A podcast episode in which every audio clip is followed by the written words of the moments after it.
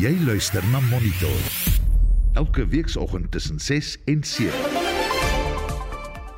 Die ANC het ses gebiede uitgewys waaraan hy as regerende party 'n dringende en beslisste aandag moet skenk. We will deepen the renewal of the African National Congress. Ons bespreek Adrian Vlok se nalatenskap met sy oud kollega Dr Leon Wessels en Kaapse inwoners word gewaarsku teen 'n vals aanlyn behuisingsskema. Baie welkom by Monitor. Die span in die ateljee is Joan Marie Verhoef, Daitrin Godfrey en ek is Justin Kennedy.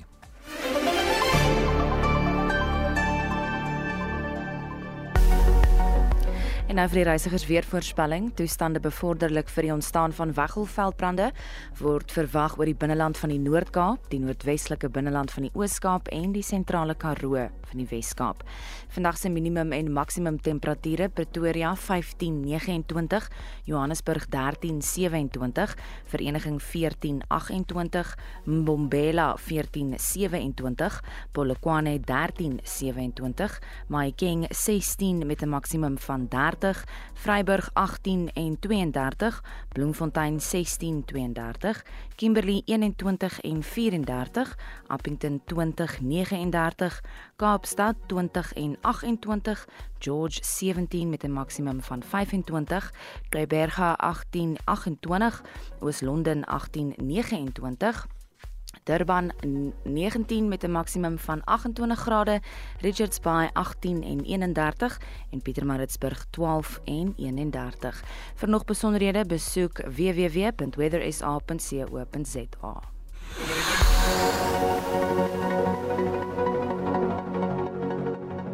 Daar is geen verkeer. Die N3 Noord naby die Tugela Engine Fulstasie is gesluit na 'n botsing tussen 'n motor en 'n vragmotor. Die verkeer word herlei en beweeg baie stadig verby die toneel, so wees asseblief versigtig en geduldig as jy daar bestuur. En padwerk op die N3 hervat ook vanoggend nadat afgeskaal is vir die vakansie, so wees op die uitkyk daarvoor. En so van padwerk gepraat, daar is ook padwerk op die R21 Noord na Olifantsfontein weg. Die twee linkerbane is gesluit. Stuur enige verkeersnuus na 45889 teen R1.50 per SMS.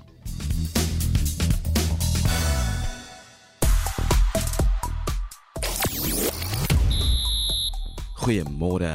In sportnuus vanoggend. In tennis wen Novak Djokovic die Adelaide Ope in Australië. In cricket het die derde toets tussen Suid-Afrika en Australië in Sydney onbeslis geëindig. En 'n laaste minuut 3 deur die Argentynse vleuel het die Glasgow Warriors 'n dramatiese oorwinning oor die Stormers besorg. Meer sport volg bietjie later. Dis Christo Gawie vir RSG Sport. Andre de Ruyter se naam is al duisende male op Twitter gedeel. Die uittredende uitvoerende hoof van Eskom was na bewering 'n slagoffer van sianietvergiftiging en die tonge klap oor of hy deur georganiseerde misdaadsyndikaate binne in Eskom geteken word. Van die ander gewilde hitsmerke sluit in ANC 111 en Stage 4. En die nuwe skooljaar begin binnekort en vir duisende graad 8 leerders en selfs eerstejaars studente beteken dit een ding: ontgroening.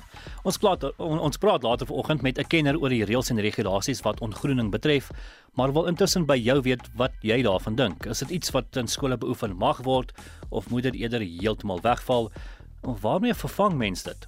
Stuur 'n SMS na 45889 teen R1.50 per boodskap of gaan praat saam op die Monitor en Spectrum Facebookblad. Monitor jou oggendnuusprogram op RSG. Die voormalige minister van Wet en Orde, Adrian Johannes Vlok, is gisteroggend in Centurion na 'n lang siekbed oorlede. Hy was 85. 'n Familiewoordvoerder, Piet Botma, het die nuus bevestig. He was ill for a couple of months now, you know, in and out and of the hospital and so on. The reason for his passing is not known yet. At this stage, we are still looking towards the funeral arrangements. He's got some family in Australia. Politici het gemengde reaksie gehad op die nuus. Die Goedparty LP, Brett Herron, het sy medelee met Vlok se familie betoon, maar het Suid-Afrikaners gevra om die gruweldade van die apartheidsregering te onthou. There are families in South Africa today whose loved ones were murdered, went missing, and for whom there are no answers and there's been no justice.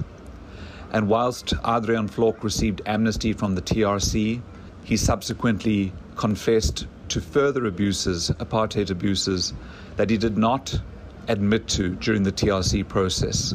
He also washed the feet of Reverend Frank Chikane in an attempt to reconcile his conscience and to apologize for his participation in apartheid brutalities.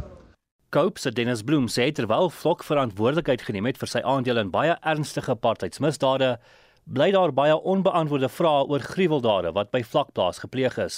Whilst we acknowledge that Mr. Adrian Vlok was the only apartheid cabinet minister to confess being part of very serious apartheid crimes, there are many unanswered questions to really know what happened at the notorious Flag Plus, where many freedom fighters were brutally tortured and killed by the apartheid police. We hope that one day the people of this country will hear the truth. We convey our condolences to the Flock family. Die leier van die Al-Jamaa party, Gani Vendricks, vra dat geregtigheid geskied teen die oortreders van apartheid wat nog lewe. it is the end of an era because while these apartheid operatives stood one side after the adoption of our constitution, there was always a concern that they will plot to undermine the gains that have been made by the liberation uh, movement. But we wish for justice to be done. 'n Voormalige minister, Rolf Meyer, sê Vlok het berou getoon vir sy rol in die apartheidsera se gruweldade.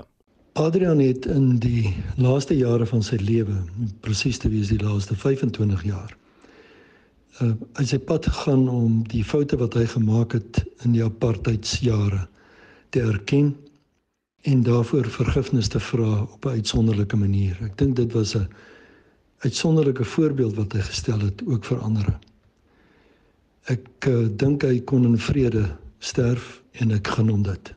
Die verslag is saamgestel deur Elris Mashaba. 14 minute oor 6 en ons bly by die storie en praat met die voormalige adjunkminister van Wet en Orde, Leon Wessels. Goeiemôre Leon. Goeiemôre. Wat is jou herinneringe van Vlok? Vlok was 'n aangename, vriendelike, wellewende mens. Dit was altyd lekker om in sy geselskap te wees. Uh maar hy was ook 'n pligsgetroue, dienswillige parlementslid, uh, altyd uh, die beste gedoen het uh, vir sy kiesafdeling en sy kiesers. Maar Vlok het voor die Waarheids- en Versoeningskommissie erken dat hy misdade gepleeg het. Nou dit sluit in die bomaanval op die hoofkwartier van die Suid-Afrikaanse Raad van Kerke en Kusatu. Wat het die erkenning vir hom en die land beteken? Dit was 'n baie belangrike uh, stap wat hy daar geneem het en hy het ook uh, polisiebeamptes, mense met wie hy in verbinding was, aangemoedig om die WVK proses te betree en uh te voldoen aan die vereistes wat daar gestel is, naamlik om openbaar te maak wat in die verlede gebeur het. Hy het in, inderdaad uh, 'n baie konstruktiewe opbouende rol tydens daardie proses uh gespeel en dit was die belangrikste rede hoekom hy aansoek gedoen het uh, vir amnestie. Hy het wel in 2006 om verskoning gevra vir 'n aantal dade wat hy nie aan die WVK bekend gemaak het nie. Waarom het hy toegeswyg oor hierdie dade? Ek ek probeer nou uh, om sy gedagtegang uh, te volg en te openbaar, maar hy was van mening dat uh, hy aanvanklik nie aanspreeklik uh, hy kon of moes aanvaar vir dit wat hy later uh, wel openbaar het. Nie sy sy standpunt het uh, gestalte gekry toe daar begin is met vervolging want dit was die die aanslag van die WVK as jy nie aansoek doen vir amnestie nie dan stel jy jou bloot aan moontlike vervolging en toe stappe geneem word met die oog op vervolging het vlot na vore gekom Maar ek dink dit word ook onderlê deur 'n uh, verdieping van sy geloofs-oortuiging. Hy het besef dat hy het uh, in daardie geval eerwaarde Frankie kan het nagekom en daarom het hy uh die stappe geneem wat hy wel geneem het om aan eerwaarde Chikane verskoning aan te bied, sy voete te was en toe begin met 'n uh, onderhandelingsproses wat uitgeloop het op 'n uh, pleitooreenkoms in die Hooggeregshof van Pretoria. En so gepraat van daardie pleitooreenkoms, um, jy was saam met hom in die hof op daai dag. Uh, jy het dit as 'n rowwe dag beskryf. Ja, inderdaad, dit was nie 'n aangename gesig om te sien hoe Adrian Vlok as politikus saam met uh, mede uh, polisieoffisiere, hy het altyd uh, 'n sagte plek vir die polisiebeamptes gehad, saam met hulle in die beskuldigde bank gestaan het en uh, ek wil amper sê namens daardie era die verantwoordelikheid op sy skouers geneem om in die hof te sê ons het uh onskuldig gemaak aan ernstige menseregte oortredings. Baie mense het nie direkte dade uh gepleeg wat sou uitloop op, op kriminele vervolging nie, maar was wel aandadig in die mate dat uh dat ons 'n klimaat geskep het en ondersteuning verleen het vir optredes soos daardie. Het het hy werklik berou gehad oor sy optrede en opdragte tydens apartheid? Nee, daar is daar is met my nie die minste twyfel dat uh, sy stappe om sy berou te leef was opreg nie en dit is gebore uit uit diep geloofs-oortuigings nie.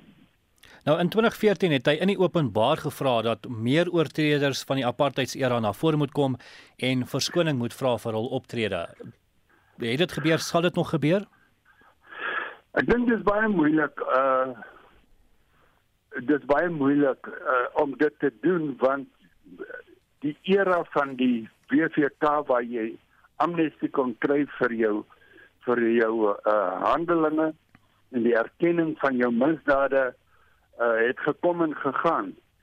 Jy stel jou waarskynlik nou bloot aan aan vervolging en diegene wat nie aansoek gedoen het vir amnestie nie of nie amnestie gekry het nie uh wag nou vir die staat om hulle krimineel te vervolg en dit is nie maklik dink ek vir 'n persoon wat met sulke vervolgings oor sy kop uh staan om nou na vore te tree nie. Baie dankie, dit was die voormalige adjunkminister van Wet en Orde, Leon Wessels. Die ANC het by die afsluiting van sy 55ste nasionale konferensie resolusies aanvaar om die ekonomie te transformeer en te stimuleer.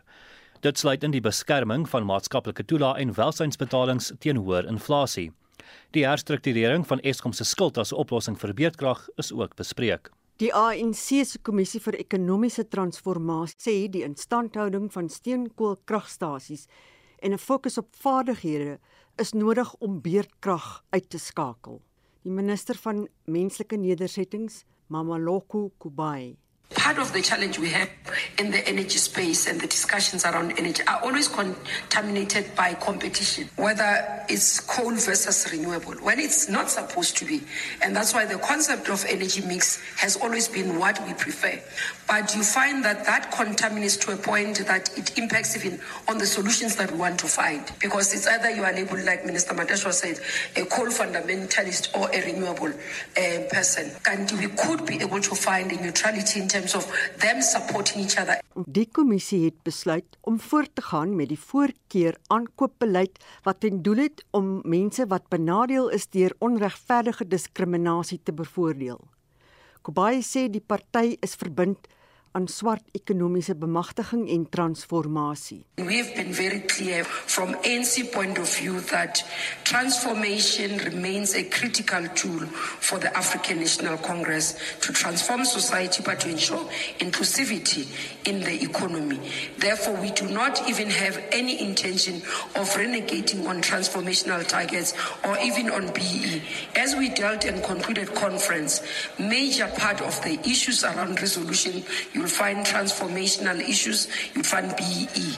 Die ANC lid van die uitvoerende komitee, David Makura, sê die kommissie het weer eens bevestig dat dit 'n leidende rol gaan speel in die verdieping van maatskaplike samewerking in ekonomiese beleidsingrype vir langtermyn volhoubare groei en werkskepping.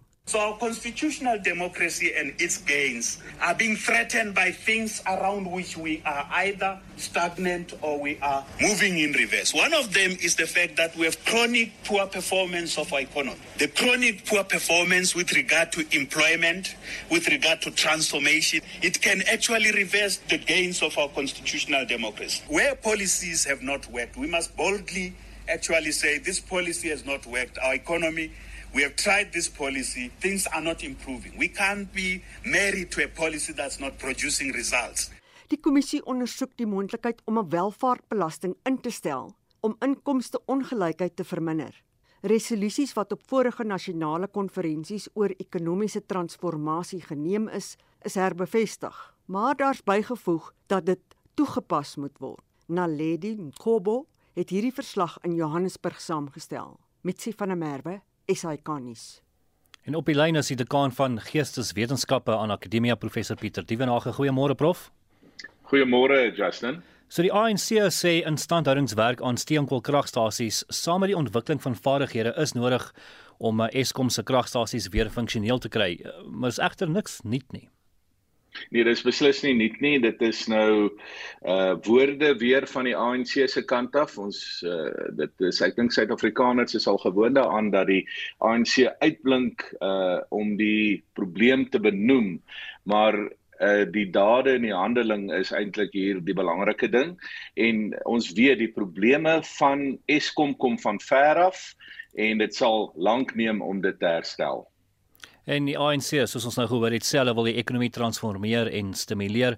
Hoe beoordeel, uh, beoordeel jy die party se sukses om die ekonomie te laat groei in die afgelope kom ons sê 10 jaar? Ja, dit is 'n uh, dit is 'n vraag wat ekonome beter sal kan beantwoord en sover ek die ekonome uh, verstaan as 'n politieke ontleder, uh, gaan dit nie goed met ons ekonomie die afgelope 10 jaar nie. Dit is algemene kennis. Uh een voorbeeld of laat ek net twee voorbeelde uitlig Justin en dit is die eerste een dat die groei van die land is stadiger as die bevolkingsaanwas en dit is wêreldwyd 'n indikator dat dit nie goed gaan met die ekonomie nie. En dan uh weet ons almal as Suid-Afrikaners dat in die afgelope 10 jaar het ons uh ekonomiese klimaat en ons ekonomiese aansien verander van 'n land met 'n redelike ekonomiese aansien in die wêreld na die van rommelstatus. En uh as mens net daai begrip noem, dan dan weet mens waar ons met ons ekonomie staan en ons is nog steeds in die uh kategorie van rommelstatus wat ons ekonomie aanbetref en waarvoor die regering verantwoordelikheid moet neem. Nou die ANC sê ook hulle ondersoek die moontlikheid om 'n welvaartbelasting in te stel om inkomste en rykdom ongelykheid te verminder. Wat lees jy hierin? Wat wat kan dit in, in die toekoms vir ons beteken? Wel, dis 'n ou gedagte hierdie van welvaartbelasting. Uh net soos die herverdeling van grond en 'n staatsbank, dis alles populistiese uh begrippe en en en populistiese retoriek. En ons weet al reeds dat uh net 'n klein deel van Suid-Afrika se bevolking betaal 'n baie hoë belasting in hierdie stadium. Dis die realiteit as mens ekonomies daarna kyk. Ek sou eerder as alternatief wou voorstel dat 'n uh, mens moet werk met 'n effektiewe vrye mark met 'n effektiewe instellings en 'n effektiewe staatsdiens as brug tussen die staat en die privaat sektor. Ek dink dit is 'n beter alternatief as om nou in die rigting van 'n welvaartbelasting te kyk.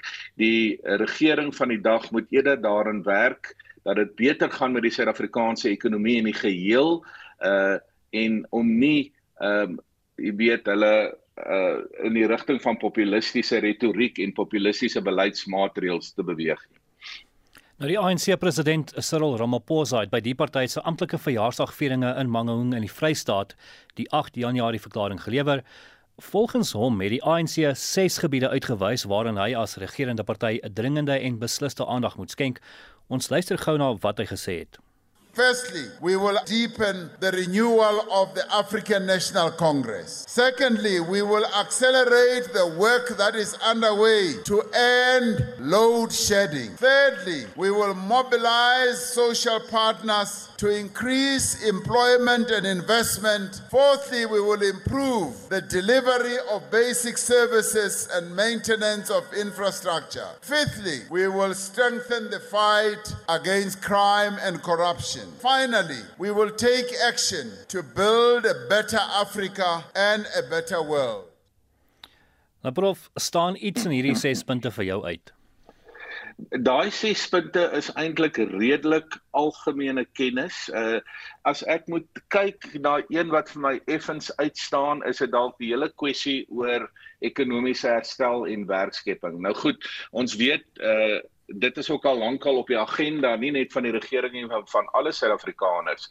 En dan is die interessante vir my die uh, aspekte van ekonomiese herstel waarop uh, gefokus is naamlik op jeugwerkskepping, 'n groen ekonomie, die 4de industriële revolusie, ehm um, landbou en land. En daar is dit van interessant dat die uh, regering van die dag nog nie her, herverdeling van grond van afgeloop het nie of weggeloop het daarvan nie. Dan is daar die baie interessante tema van ehm um, maatskaplike samewerking waar die private sektor, die arbeid en die burgerlike samelewing moet uh, saamwerk en dan ook sosiale ondersteuning en dit kom maar neer op toelaas en ons het nou die COVID toelaas in hierdie stadium wat lyk my verbreed gaan word na 'n algemene ondersteuningstoelaag in die toekoms. So Justin in in in om dit saam te vat, die 6 punte is wel bekend. Ons almal weet van dit. Vernuwing van die ANC, beerdkrag, hierdie ekonomiese herstel soos ek dit noem, dienslewering, strenger teen misdaad en dan uh om 'n beter wêreld te bou. Hierdie ses is alles bekend. Uh maar ek sou daai punt wat ek pas uh, uitgelig het uh, is vir my die sterker een van hierdie ses. Die dekaan van Geesteswetenskappe aan Akademia, professor Pieter Dievenage. Dis so byna byna 07:30 en openbare skole in die binneland maak Woensdag weer oop vir die nuwe skooljaar. In Gauteng was daar teen verlede week sowat 2000 graad 1 en graad 8 leerders nog nie in skole geplaas vir die 2023 akademiese jaar nie. Die uitvoerende hoof van die Federasie van Beheerliggame van Suid-Afrikaanse skole, Dr. Jaco Deeken, is op die lyn. Goeiemôre dokter. Môre Justin. So is hierdie werklik 'n stelselprobleem of het ouers ook skuld hierin dat uh, kinders nog nie geplaas is by skole nie? Ja, Justin, dis iets van beide. Die telsel, kyk, 'n rekenaar het nie die probleem veroorsaak nie, men. So daar's te min skole in Gauteng gebou en die rekenaarstelsel gaan dit nie oplos nie. Wat die rekenaarstelsel wel mee help, is dat ouers nie meer in lang rye buite skole staan nie. So dis eintlik net 'n elektroniese aanmeldstelsel. Waar ouers die skuld het, is waar ouers in baie gevalle of glad nie gaan aanmeld het aanlyn gaan aanmeld het nie, skool begin soek het nie, of waar ouers nog nie 'n keuse uitgeoefen het wat aan hulle gebied is nie. Dit veroorsaak bietjie 'n bottleneck op hierdie stadium. Nou die Suid-Afrikaanse Onderwysunie sê Gauteng se onderwysdepartement moet skole toelaat om self die aansoek en plasingsproses te behartig. Wat dink jy? Ja, ek dink hulle het dit weet. Ons ondersteun die elektroniese stelsel want dit maak vir ouers makliker om uh, om aan te meld by 'n skool. Maar die fisiese bestuur, die toepassing en die plasing van die kind behoort op skoolvlak te wees. Dit gaan help dat die kinders vinniger geplaas kan word en dat die skool onmiddellik vir ouers kan inlig om te sê ons is reeds vol of vat jy plekke en begin op uh, sodat ons vir ander ouers kan wat weet hulle moet op uh, moet gaan verder soek. So ons dink daar moet 'n groter verantwoordelikheid wees dat op op skoolvlak dit gefinaliseer kan word. Nou baie onderwysers gaan vandag skool toe, nuwe graad 8 leerders, ek dink gaan môre skool toe. Um is skole gereed om weer oop te maak? Ja, just in ons lidskole is verseker gereed. Uh dit einde vlieg daar is amper 2 weke wat die leerders nadat hulle eksamen geskryf het voordat die skole gesluit het. So die goeie skole het klaar gereed gemaak. Ehm uh, die roosters is uitgewerk en die boeke is daar, so ek dink ons lidskole is 100% reg om leerders te ontvang. Ek lees egter ook in die media van 'n klomp skole wat gedurende die vakansietyd weer gevandaliseer is. So ons sal daardie skade eers die einde van die dag weet as die onderwysers terug is om te bepaal wat toe nou daar gebeur, maar ek dink die meerderheid van ons lidskole ten minste slag gereed om hierdie jaar te begin. Dan wil ek ook bietjie oor ontgroening praat want uh, kinders wat graad 8 toe gaan uh in sommige skole word nog ontgroen. Wat is die reëls en regulasies rondom ontgroening? Oh. Ja, Justin, die die ou ou dae se ontgroening is iets van die verlede. Dis soos lyfstraf. Uh waar ontgroening vernederend was en eintlik bedoel was om kinders seer te maak, uh word skole eintlik aangemoedig om nuwe leerders in te burger en hulle bekend te stel in die skoolomgewing en die skool se waardes in 'n in 'n meer positiewe lig. So jy wil graag hê jou graad 8s moet um, verwelkom word in die skoolopset verstaan. So ek dink ons het wegbeweeg van 'n ontgroening na verwelkoming. Natuurlik gaan die die pret en plesier daarmee saamgaan, maar dit het alles perke en dit moet alles eintlik te doen om, om hierdie graad 8 te laat welkom voel in die skool in plaas daarvan om te verneder. So wat moet ouers doen as uh, hierdie ontgroening wel nog plaasvind? Ja, met onmiddellik dit by die skool gaan aanmeld en met die deurliggaam aanmeld. Ehm uh, ons wil nie dat kinders in die proses moet seer kry of voel ek wil glad nie in daardie skool wees nie. Dis 'n onsekerheid as hy na 'n nuwe skool toe skuif. So hierdie praktyke in skole behoort eintlik daar te wees om die kinders vinniger te laat welkom voel, maats te maak, die bekend te stel aan die aktiwiteite in die skool en om vinnig akademies te kan aanpas. En as dit die oogmerke is, is dit 100% reg, maar as jy sien iets loop skeef, jou kind raak skielik stil of daar's ander merke of fisiese letsels aan jou kind, meld dit onmiddellik aan by die skool dat dit hanteer kan word. Baie dankie, dit was Dr. Jaco Dieken en hy is die uitvoerende hoof van FETSAS. Jy luister na Monitor. Elke weekoggend tussen 6 en 7. In die volgende halfuur 'n vrou vertel hoe sy en haar kinders vertroosting vind na haar man se skietdood. Ek het rustigheid in die wete dat ek weet is hy's by die Here. Die Here beheer wanneer jy gebore word, wanneer jy doodgaan. Dis die enigste troos vir ons. En honderde mense is dakloos gelaat na brande by die Pola Park informele nedersetting in Filippi. Bly ingeskakel.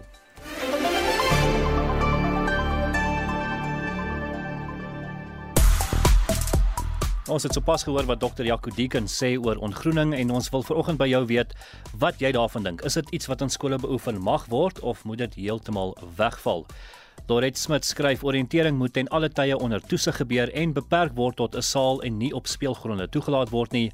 Selfs skoolleiers kan jongeres verneder wat permanente skade kan doen. So ook sê Andre Moelman, sommige individue neem uh, neem dit te ver met ontgroening want hy's tussen sy vriende en die man van die oomblik en jy kry mos altyd hierdie een malletjie wat floreer daarin om ander af te breek tot groot vermaak van hom en self sy vriende. Rina Nel sê ontgroening dien geen doel nie en is net 'n verskoning vir sogenaamde leiers om ander kinders of studente te verneder. Dit maak nie saak hoeveel toesig of reëls daar is nie, iemand vat uh iewers vat iemand dit altyd te ver. So gesels saam, waarmee vervang mens ontgroening? Uh stuur 'n SMS na 45889 teen R1.50 per boodskap of praat saam op die Monitor en Spectrum Facebookblad.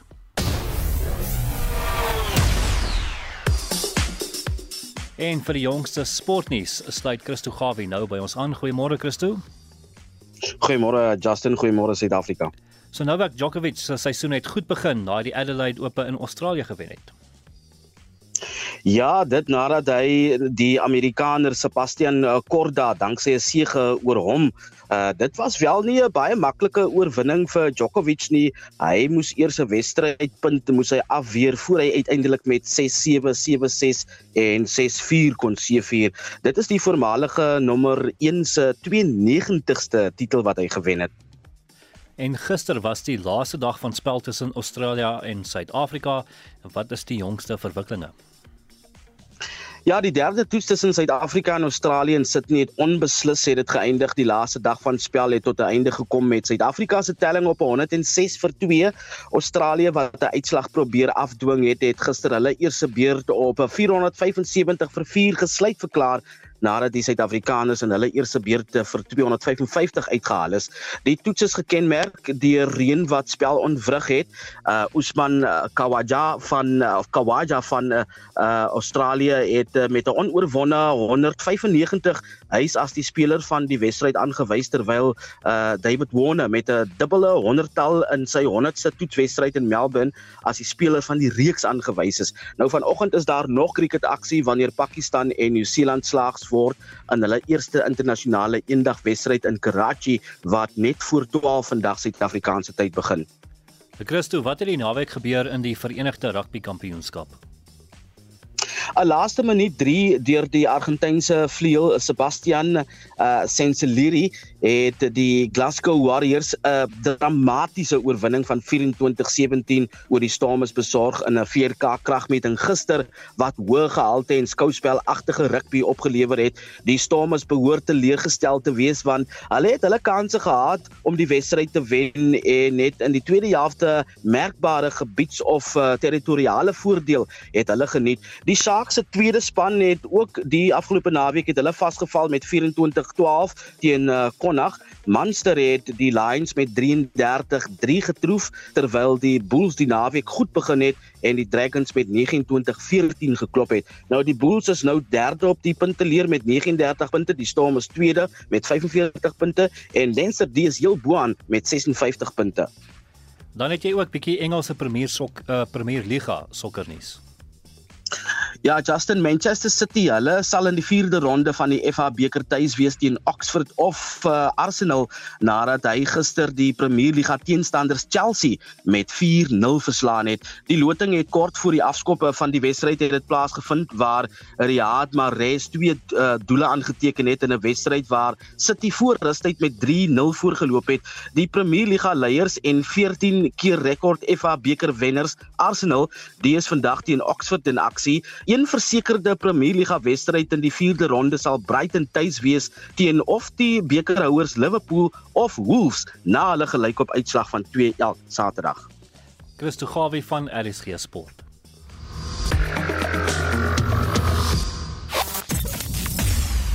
Monitor jou oggendnuusprogram op RSG. Die Wes-Kaapse Departement van Menslike Nedersettings waarsku inwoners teen 'n vals aanlyn behuisingsskema waarin inwoners beloof word dat hulle staatshuise binne 2 weke sal ontvang. Die skema wat hoofsaaklik via WhatsApp of Facebook groepe bedryf word, vra egter dat inwoners 'n bedrag geld moet betaal om 'n goedkeuringsbrief te bekom om 'n huis te ontvang. Ons praat nou hieroor met die Wes-Kaapse minister van menslike nedersettings, Tertius Simmers. Goeiemôre. Goeiemôre Justin, goeiemôre aan die monitor luisteraars by RSG. So is daar spesifieke areas wat geteken word?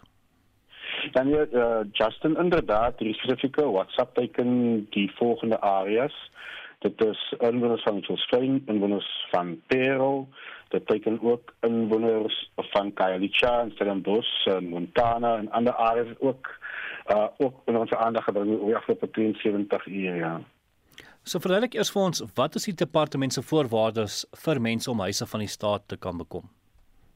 Ja, die eerste belangrike stap is dat jy moet geregistreer op 'n munisipale by so 'n database, dis 'n gratis diens. En natuurlik sal jy in kennis gestel word as 'n projek in die munisipale area is. Weerens jy moet geen vorm van betaling uh doen om deel te vorm van 'n behuisingsprojek wat ook aangekondig word in die munisipale area nie.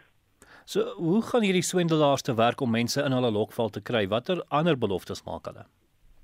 Ja, inderdaad, wat we doen is, je weet, je krijgt je kennisgeving dat je een debit bewijzingswachtlijst is. Hulle kan je helpen om jou, zo te zeggen, die Engels is die kiel te jump, die touw te springen, je hoor op te plaatsen. Hulle maak ook beloftes daarvan dat hulle jou kan versekeren van een huis met het titel achter. En natuurlijk, je weet, die KWA voor allemaal hierdie, hierdie uh, slenters te verkoop aan die mensen is natuurlijk tegen een uh, bedragje. En dit is waar mense nou ook weet hulle is besig om om te, te handel met 'n saak wat onwettig is. Nou van hierdie inwoners het selfs lenings gaan uitneem, ehm um, sal hulle die geld kan terugkry? Ongelukkig nie want jy weet se draai jy jou jou die fondse in 'n bodemlose put gegooi het, dan sê jy nie dit terugkry nie want die individue uh weet en wie die betaling maak is nie staatsamptenare nie. En hierdie fondse word gewoonlik by checkers inbetaal of selfs nou en dan by by bankrekeninge wat dan betragte kon kom so vir die polisie dan toegemaak word. So as iemand jou vra om 'n bedrag geld te betaal om 'n huis te ontvang, moet jy weet dis dis dis vals. Ja, men jy weet jy sê met 'n groot en massiewe slenter ja, Justin. So wat is julle raad aan inwoners as hulle met hierdie uh aanlyn swendelery teekom? Dat die eerste en belangrikste stap vir ons is dat jy jou saak by die polisie gaan open. Dat jy dan die saaknommer indien moontlik ook met die met die skermgreep van die boodskap aan ons e-pos hier aan humanmin@westerncape.gov.za want ons is reeds as bestaande saak waarmee die polisie besig is en ons voer dan in maak deel van daardie ondersoek omdat ons dan hierdie ding graag wil oplos maar ook die, die breë impak van hierdie tipe skendelary wil wil wil observeer en dit ondersoek. Ons het gepraat met die Wes-Kaapse minister van menslike nedersettings, Tertius Simmers. Hoe bly 'n mens staande wanneer jy in jou huis deur gewapende rowers aangeval en jou man koelbloedig langs jou bed doodgeskiet word? Die 47-jarige Cindy Seber vind daar 'n antwoord uh, by haar skepper, al is haar hart aan skerwe. Haar man, die 49-jarige adjutant-offisier Anton Seber, is op 30 Desember verlede jaar in hul huis in 'n sekuriteitskompleks in Kom in Kromdraai in die Kreersdorp omgewing doodgeskiet tydens 'n rooftog. Sy het in 'n openhartige onderhoud met Estie de Klerk vertel hoe sy en haar kinders, die 19-jarige Elsa en 17-jarige Rico, vertroosting vind. Niemand sal ooit my hart kan regmaak en die stukkies kan optel nie. Maar ek het rustigheid in die wete dat ek weet hy is by die Here die Here beheer wanneer jy gebore word, wanneer jy doodgaan. Dis die enigste troos vir ons. Niks wat ons sou gedoen het, niks wat iemand sou gedoen het sou kon verander of Anton sou lewe of nie sou lewe nie. Die manier wat hy gegaan het, sou ek nou natuurlik graag wou verander. Hy moet eerder net in sy slaap dood gegaan het. Maar dit het gebeur en dit was hoe hy moes gegaan het. My meisie se kerel het my gesê tannie, hulle stuur 4 mense met wapens en hulle kom by sy kamer, by sy skryfdeur in waar hy lê. Hulle het nie kansse gevat nie, hulle het geweet wie en wat hy is. Jy gaan nie net hom sê sit daar en ek bind jou vas of so ietsie nie. Hulle het geweet, hulle moet kom en hom elimineer. Anders gaan daar moeilikheid wees. Sieber se veggies en vasberadenheid om nooit te stuit vir enige geregtigheid nie, is deel van sy nalatenskap, sê Cindy. Hy was die beskermer wat op die mure se rande geloop het om die stad op te pas. Dis wie my man was. Hy was die brullende leeu wat seker wou maak alles is oukei okay en almal is veilig. Hy het die most lovable side gehad en dan sy gewerk het. Glo ek nie daar was 'n lovable side nie. Sy kollegas en mense wat hom in sy werksomstandighede ontmoet het, het ook altyd gesê, "Jy bang daai man." maar ja, dit het ek nou nie by my gehad nie. Seber wat byna 32 jaar in die Suid-Afrikaanse Polisie diens gedien het en die afgelope 15 jaar 'n speurder aan die Linden Polisiestasie was, is twee keer geskiet onmiddellik nadat die rowers by hulle balkon skuifdeur in hulle kamer ingekom het. Dis twee mans wat hom gelyk geskiet het. Een het hom in die kop geskiet en een in die lyf geskiet. Ek het net van die bed afgerol en onder die bed ingerol want ek het nie geweet wie skiet wie nie. Of is dit my man, is dit weet wie? Toe ruk hulle my net maar onder die bed uit en die eerste ding wat hulle vir my vra is where's your husband's gun? Ek sê i don't know. Ask my husband. I don't know. En hulle loop toe maar so half saam met my om die bed en toe ek om die bed kom sien ek my man lê op die vloer Liesel Rico en 'n vriend van Rico wat daar gekuier het, het die skote gehoor en kon uit die huis ontsnap deur van die boonste verdieping se balkon te spring en na bure in die kompleks te hardloop om hulp te ontbied. Die vier gewapende rowers het Cindy van kamer na kamer gedruk, fone en rekenaars gebyt en op die kluis en die bakkie se sleutels aangedring. Toe hulle haar na buite dwing en die voertuig van die sekuriteitsmaatskappy in die oprit sien aankom, het hulle gevlug. Ambulanse en paramedisy het kort daarna opgedaag.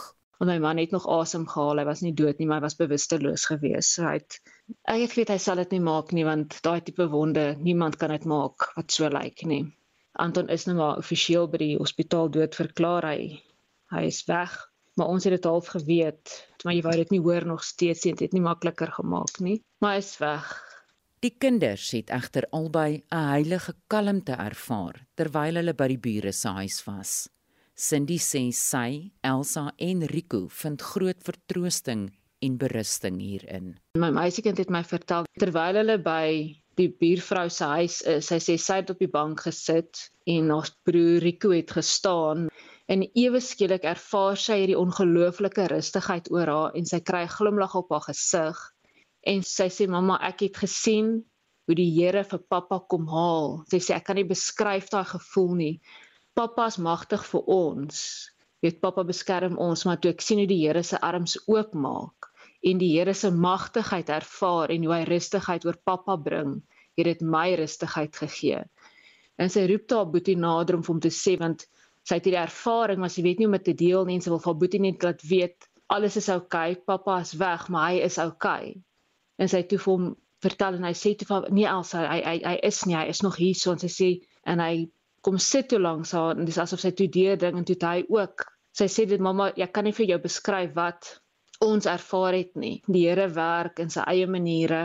Ons het nie beheer nie, hy is altyd in beheer. En mens moet net altyd vertrou want dit is die Here wat ons bo water hou, wat ons help aanhou hou. Dit sê, dis vir ons 'n verskriklike hartseer dag en tyd in ons lewe. Maar pappa is gelukkig. Hy's weg van hierdie stikkende aarde af. Sy werkspanning wat hy gehad het, hy het aan groot sake gewerk, so dit was stresvol vir hom. Hy's verlos. Hy's rustig. Hy hoef oor niks meer te bekommer nie, nie oor ons nie, nie oor die sake waarop hy gewerk het nie. 'n Gedenkdiens word Woensdagoggend om 11:00 vir Seber vanuit die NG Kerk Mildersdrift gehou. Ek is Estie de Klerk vir SAK nuus. Kabeldiewe het 'n nuwe teiken. Hulle saag nou verkeersligte af om die drade binne te steel. Die woordvoerder van die Johannesburgse padagentskap, Bertha Skeepers, het met Mitsi van der Merwe gepraat. Ja, ons merk die afgelope paar jaar 'n toename in verkeerslig vandalisme. Spesifiek met die doel om die koperkabels te steel en ongelukkig hou dit verband met die onwettige verkoop van koper op die swartmark. Hierdie tendens is selfs meer gedurende beerkrag. Die stroopers weet wanneer beerkrag in 'n spesifieke area plaasvind. Die verkeersligpale word dan met 'n hoekslyper, 'n angle grinder afgesny, want daar is geen krag toevoer op daai stadium en dan word die koperkabels verwyder. So wat 5 jaar gelede het die metropolisie en die Johannesburgse padagentskap 'n infrastructure protection unit gestig om die diefstal en vandalisme van padinfrastruktuur te monitor en te help bekamp. Hulle het sukses bereik en vele arrestasies is al gedoen. Ten spyte daarvan is daar nog steeds skrootwerf en handelaars wat die gesteelde koper van 'n kriminele koop en dan word dit uitgevoer. Het julle al 'n opname oor wat die skade oor hierdie feestydperk was? Nee, maar ek kan sê dat oor die afgelope 3 jaar het ons sowat 15 miljoen rand bestee aan die herbou van gevandaliseerde verkeersligkruisings in Johannesburg sien mense dit oral lê, die verkeersligte. Ja. So ja. dink jy nie ons moet begin kyk na 'n ander tipe oplossing nie? Die probleem is, nommer 1 is dit moeilik om ons kabels te merk, want as hulle gesteel word, dan moet jy hulle mos kan uitken sodat die kriminele vasgevang kan word. So ons het nou 'n plastieke omhulsel met ons logo. Maar ongelukkig brand hulle hierdie plastieke omhulsel om by die koper uit te kom. Maar een baie positiewe stap wat deur die departement van handel en nywerheid geneem is, is vanaf November 2022 vir 'n tydperk van 6 maande het hulle die uitvoer van koper verbân. Daar is SIM-kaarte in die tegnologie in hierdie verkeersligte wat die Johannesburgse padagentskap gebruik om onderhoud te bestuur. Het julle al 'n idee wat die beerdkrag aan hierdie meganisme doen? Ja, dit het gevolge. Ons het nou al alles ook probeer. Ek gaan oorslaan na Engels doen. During load shedding, criminals target a specific area and obviously our SIM cards that are in these traffic lights are dependent on our networks also working. When there's load shedding, the networks go down, and then, of course, the SIM cards themselves won't be working. But what we find is that vandals target the traffic lights at specific intersections in areas which are down. Previously, we also used to have cameras to protect specifically high level intersections those were also stolen. We even had solar panels that would assist in keeping the traffic signals going with load shedding was taking place. But of course, those were also stolen. So we really have been significantly impacted by not only load shedding itself, but also by vandals and the theft of all our road infrastructure that are stolen. Is dit nog ekonomies haalbaar om verkeersligte te hê? Dit is want in spesifieke areas moet 'n mens verkeersligte hê. Ja, maar dan moet dit dan werk. Natuurlik dan moet dit werk, maar ons kyk na allerlei oplossings. Ons is besig om met groot corporates te praat en te vra of ons nie dalk hulle krag toevoer as ons naby 'n gebou is byvoorbeeld. Wat ons weet, hulle met 'n generator aanhou tydens 'n load shedding, dat ons hulle krag toevoer dan hou vir daai spesifieke verkeersligte wat naby hulle gebou is. So ons kyk na vennootskappe om ons verkeersligte aan die gang te hou. Bertha Skeepers is die woordvoerder van die Johannesburgse Padagentskap. In sommige van Durban se gewilde strande is die afgelope ruk gesluit weens hoë vlakke van E. coli besoedeling. Dries Liebenberg het gaan ondersoek instel na wat E. coli is en hoe owerhede bepaal of dit veilig is om in die water te swem of nie.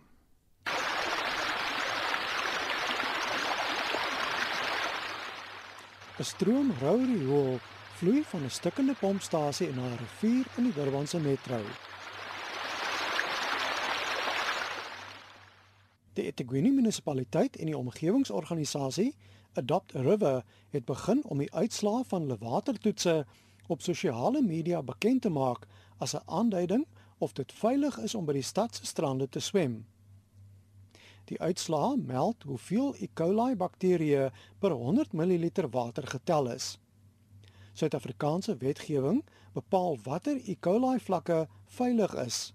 Dit is egter nie E. coli bakterieë self wat die gesondheidsgevaar inhou nie. Dit veroorsaak dikwels slegs matige simptome. Die direkteur van Adopt a River, Janet Simpkins, verduidelik E. coli is 'n aanduiding dat ander bakterieë, virusse of parasiete teenwoordig kan wees wat siektes veroorsaak. So the presence of E. coli um, indicates that um, the water is contaminated with um, sewage and potentially other pathogens. Um, depending on the levels, you may be more likely to pick up a stomach bug or a sort of a gastrointestinal issues. The other pathogens can present itself in different ways. Simpkins sê riool en die bakterieë, virusse en parasiete wat daarmee gepaard gaan, affekteer vis, voëls, marine lewe sowel as die mens. Um, we've seen with a lot of uh, recreational paddlers and, and, and regular surfers and, and swimmers they've almost built up an immunity. Um, it's, it's when we get new people coming that they maybe they are more likely to be affected. But it really just depends on the conditions on the day because it's it's a ever changing environment. Sommige inwoners van Durban is skepties oor aankondigings dat dit veilig is om by die stad se strande te baai nadat hulle rioollekkasies in die omgewing gesien het. Simpkins verduidelik egter dat die wind en getye 'n rol speel in watergehalte nadat besoedelde rivierwater in die see uitloop. The results change daily, and that's just because of the nature of uh, the seawater. If there are many factors that influence it, so tides and currents and, and winds. Well, we certainly don't want people to stay away from, from eThekwini. It's uh, very much a tourist destination, and it's been really hard hit in terms of COVID and, and floods and riots. To be safe, uh, we would probably just suggest swimming at some of the beaches that have proven over time to be safer than others. And of course, if um, there's any sort of noticeable difference in the water, any funny smell, it's probably best to stay out of the beach. Simpkins sê ondervinding het geleer dat reën en beurtkrag 'n rol speel in E. coli vlakke in die lig van die eThekwini munisipaliteit se ou en beskadigde rioolinfrastruktuur. Because a pump station needs electricity, it needs the power. If there isn't a backup uh, power source, unfortunately, it's still receiving waste and um, it has to go somewhere. So if it's not being pushed out, um, pumped out, then it's going to overflow. So we have seen um, load shedding have a role in, in increased E. coli readings in our, in our waters. eThekwini se burgemeester, Kolisi Kaunda, het vroeër gesê 'n gewysigde begroting om die metro se infrastruktuur na die vloede te herstel is in November opgestel. Volgens die munisipaliteit ontstaan daar nuwe lekkasies wanneer pompstasies en rioolplase weer in gebruik geneem word. Ek is Dries Liebenberg in Durban. 'n Luisteraar het laat weet van 'n ongeluk op die R27 die Weskuspad tussen Langebaan en die Weskus Nasionale Park. Beide rigtings word beïnvloed en uh, die luisteraar sê daar's baie digte mis op die pad. En dan ons praat ook uh, vanoggend oor ontgroening want die nuwe skooljaar begin binnekort en ons ons wil by jou weet weet um, is dit iets wat in skole beoefen mag word of moet dit eerder heeltemal wegval? Ouma van Koekenaap sê ontgroening is die versuursuikerde woord vir boelie. Dis 'n onding wat uitgeroei moet en vervang kan word met beskaafde verwelkoming. Bets Ferreira sê 'n oriënteringsprogram het waarde. Nuwe leerling leer die skoollied, sportletjies, skoolreëls en ethos van die skool. Dit laat groentjies tuis voel maar onder geen omstandighede is verkleinering, spot, boelie gedrag en veral lyfstraf aanvaarbaar nie, glad en geheel nie. Annie Bester sê verbied geheel en al nie meer aanvaarbaar vandag en Juliana Foster Ellis sê ongroening binne perke en geen skade is oukei. Okay. So ek sê ja Engela van die kerk, ek het 'n tweeling wat sommer môre al begin met graad 8 en ontgroening, solank dit ordentlik en met pret gedoen word, het ek geen probleem nie. Jy kan ons saamgesels op ons SMS lyn by 4588910 per SMS of maak 'n draai op ons Facebookblad by facebook uh, uh, facebook.com /facebook.com/zarsg. Nou vorige uitsendings van Monitor en al ons nuusaktualiteitsprogramme is op RSG se webblad as 'n potgooi beskikbaar. Gaan net na www.rsg.co.za en die Spectrum span is ook weer aan die gang. 'n Skakel vanmiddag in tussen 12 en 1 uur en moenie brandpunt misloop nie vanmiddag om kwart voor 6. Ons groet namens ons uitvoerende regisseur Nicoline de Wee. Die redakteur vanoggend was Mary Verhoef en die produksieregisseur Daitron Godfrey. Ek is Justin Kennerly.